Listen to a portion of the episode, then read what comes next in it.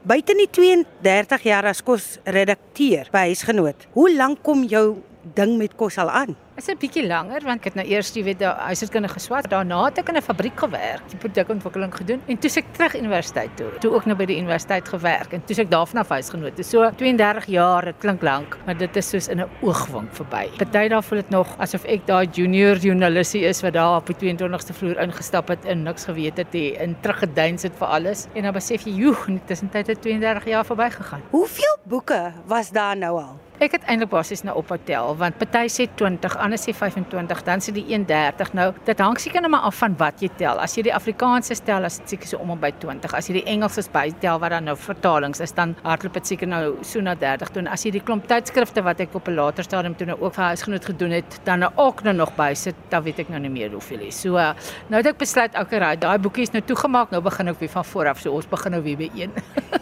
Dis fantasties. Kom ons gaan gou terug na die wenresepte toe. Dit was altyd vir my interessant. Ek hoor vanaand dat daai wenresepte, daar's meer as 'n miljoen kopieë verkoop. En ek meen dit was nou hier in die laat 80's gewees toe ons ons eerste boeke gedruk het, was dit oplaag van 80000 en meer en dan het jy maklik 2, 3, 4 uh, oplaag herdrukke gehad. Maar dit was lekker tye in die sin van daar was nie ander veel ander kookboeke wat uit is in Suid-Afrika nie. So die speelveld is 'n bietjie anders nou, maar nog steeds is dit vir my lekker om om half te voel maar jy het 'n verantwoordelikheid teenoor Jan Alleman om vir hulle ook lekker kos te maak sonder dat dit hulle 'n arm en 'n been kos. Ek's 'n plaaskind wat uh, op Sietersdal groot geword het bo op 'n berg. Ons het die wonderlikste tye daar gehad in 'n groot familie. My paale was so drie broers wat langs mekaar gebly het. Elke Sondag saam geëet het om 'n groot familietafel gesit het 20, 30 stuks. Ons het net hierdie absolute fantastiese kinderjare gehad. Al um, was ons in die koshuis, dit was nie vir ons lekker nie, maar naweke was vir ons absoluut fantasties.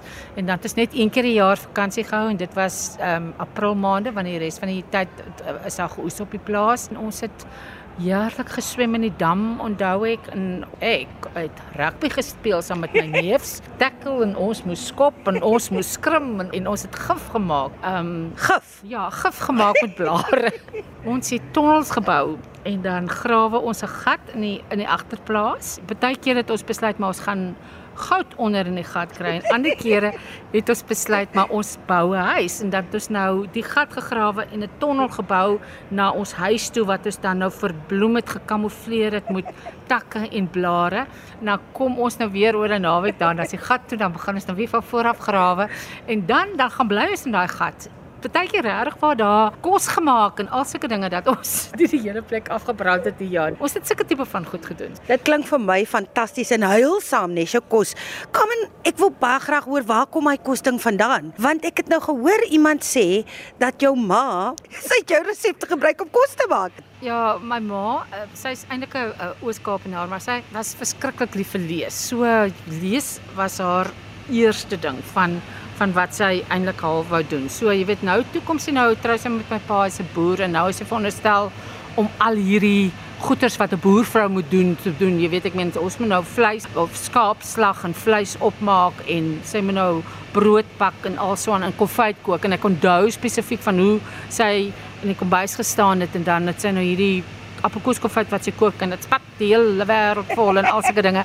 Nou roer sy maar nou staan sy aan die een kant staan sy met die boek en sy lees. Na die tyd dan kan sy vir jou alles vertel wat in die boek was, maar of die konfyt 'n sukses was, ek weet nie, maar ek meen sy het so half gesê ja, maar sy kan nie kook nie, maar sy het baie lekker gekook. En ons het regtig vir elke Sondag 'n feesmaal gehad met skaapbout en braai aardappels en wat ook al ewer en alsoan en my ma het dit gemaak. Later van tyd het ek en my suster Mentjie, ons was mos nou tweeling, ons moes nou alles nou saam doen het ons dan nou agtergebly en, en dan die, die kos ge, gekook en my ma dan nou kerk toe gegaan en sulke dinge. So toe sy nou bietjie afgekry.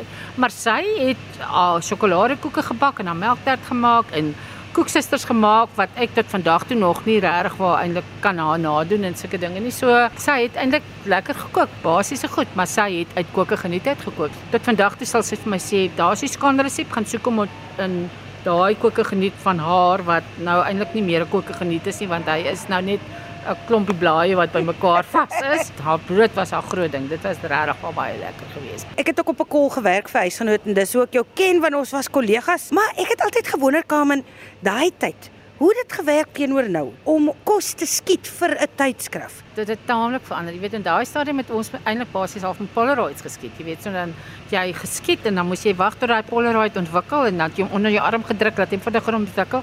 Dan kyk jy of jy reg gestileer het en dan dan verander jy wat jy moet doen. En nou is dit so lekker want jy skiet alles is digitaal. Jy kyk op die skerm, jy sien daar's 'n foutjie, hier's 'n foutjie, jy kyk gou hier en daar reg. Jy hoef nie meer te worry oor lig soveel meer nie want jy kan dit 'n bietjie aanpas jy weet met jou rekenaar, maar jy is nog maar steeds van dat as jy daai foto gedoen het, dan moet hy reg wees. Jy wil nie hy moet gemanipuleer word na die tyd nie. Hy moet reg wees soos wat hy daar is en ek het al die jare het ons dit wat ons gekook het, dit kon ons eet. Hoe jy as kosskrywer en kostelus gegroei? Man, eintlik basies toe ek by huisgenoot gekom het, dink ek het ek ek weet nou nog eintlik nie hoe in die lam aan my aangestel het nie want Vaderland Carmien. ek was Carmien gewees en ek was as hy die dag vir my so gesê dan weet ek o, eers was daar nou regtig 'n groot foutjie seker weer gewees.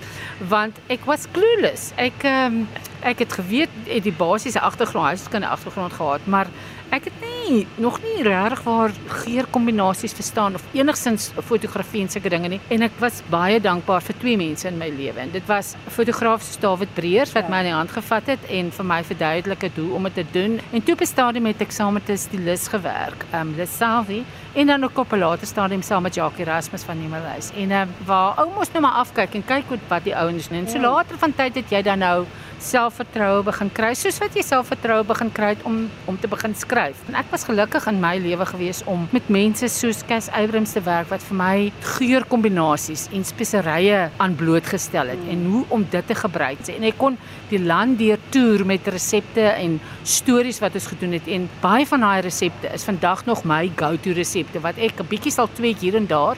Van daar af tot nou was dit 'n ontsaglike leerkurwe. As ek weer moet kies, dan kies ek presies oor, want dit is vir my net te lekker vir woorde.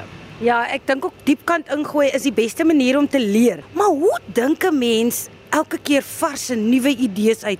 Weet jy wat shame, ek wil nou eintlik al 'n storie vertel. Ek onthou van my pa, blykbaar my ma het my dit vertel en uh, uit een hand blykbaar toe lê in die in die bed en hy sê, "Oeg, Hy so bekommerd oor Kaam en my ma sê, "Maar hoekom is sy bekommerd?" Hy sê, "Ai, nou waar gaan sy dan nou elke week nuwe resepte vir haar blaaie kry?" So hy het smaak het vir my deur dit alles gebid vir my. Maar snaaks genoeg tot op 'n manier kry jy die ding gedoen en dit um, ek is die hele tyd met my oë oop en kyk waar kan ek iets opvang of wat ook al iewers. So tydskrifte en boeke en al sulke dinge wat ek myself probeer mee vernuwe, maar baie keer is dit so iets soos ek het by iemand gaan eet en hy het hierdie fantastiese ding gemaak. Kan selfs net baie keer wees dat ek dit langs die strand gestap en ek het hierdie ding opgetel of daai ding ewe skielik kom 'n kom 'n storie vir my bymekaar en dan kan jy gereg daaruit skep. Jy weet, so baie keer is dit half 'n sousie van daai resep, 'n vleisie van die resep en dan kombineer jy die hele lot en dan kom jy weer by 'n nuwe resep uit. En as jy nou praat van jou nuwe boek Lekker en Goed, dis nie 'n lekker goed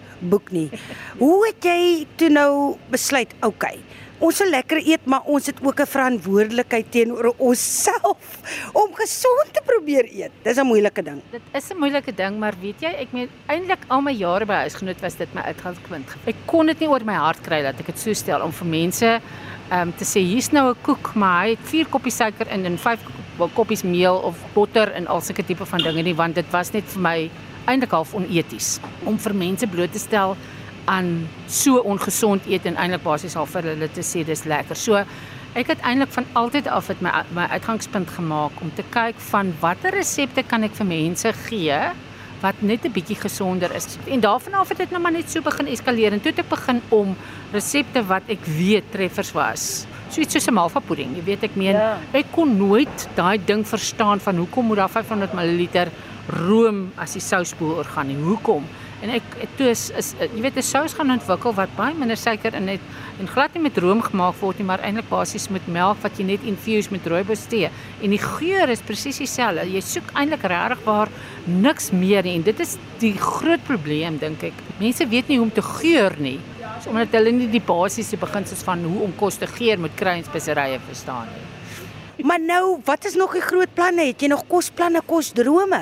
Sjoe, weet jy, ek laat my vreeslik baie lui soos wat goed na my kant toe kom, maar ja, ek dink ek definitief nog 'n paar boeke Penguin en Lapa, hulle is baie goed vir my, so ek dink ons gaan nog lekker boeke saam doen. Um ek doen saam met Carmine baie resepte en goed wat ek vir hulle ehm um, jy weet resepte spesifiek met tees ontwikkel. Dan werk ek aan heerlike projekte soos byvoorbeeld ek het nou die dag 'n projek gedoen waar ek 'n klomp plaaswerkers gevat het en ons het gesonder leer kook. Dit was net vir my so lekker geweest om te sien hoe hierdie mense so oë oop gaan en sien as ek dit nou so en so maak, kyk net hoe lekker kan dit wees. En dan het ek my lappereeks wat ek 'n bietjie wil uitbrei en ek hoop om eers miskien weer 'n bietjie televisiewerk te doen en, en ek werk nog van tyd tot tyd by huisgenoot en doen lekker artikels vir hulle. So ja, ek bly besig besig. Baie mense het gedink eh, ek is nou daar op Langebaan en ek is lekker afgetree en doen niks en sit heeldag by die see, maar dis alles behalwe die geval. Ek probeer maar by my kantoorure hou. Ek was nog altyd 'n tipe van 'n go-getter gewees. So ek dink net ek sal ooit daai, sak maar sê strewe in en, en doelwit om nog net weer nog ietsie te bereik ooit in my lewe sieke verloor nie. My pa het gewerk tot 2 weke voordat hy oorlede is, diep in sy 70, so ek dink dis dieselfde paadjie wat wat siek maar vir my voor lê. Tot diep in jou 90s. Diep in my 90s baie definitief ja.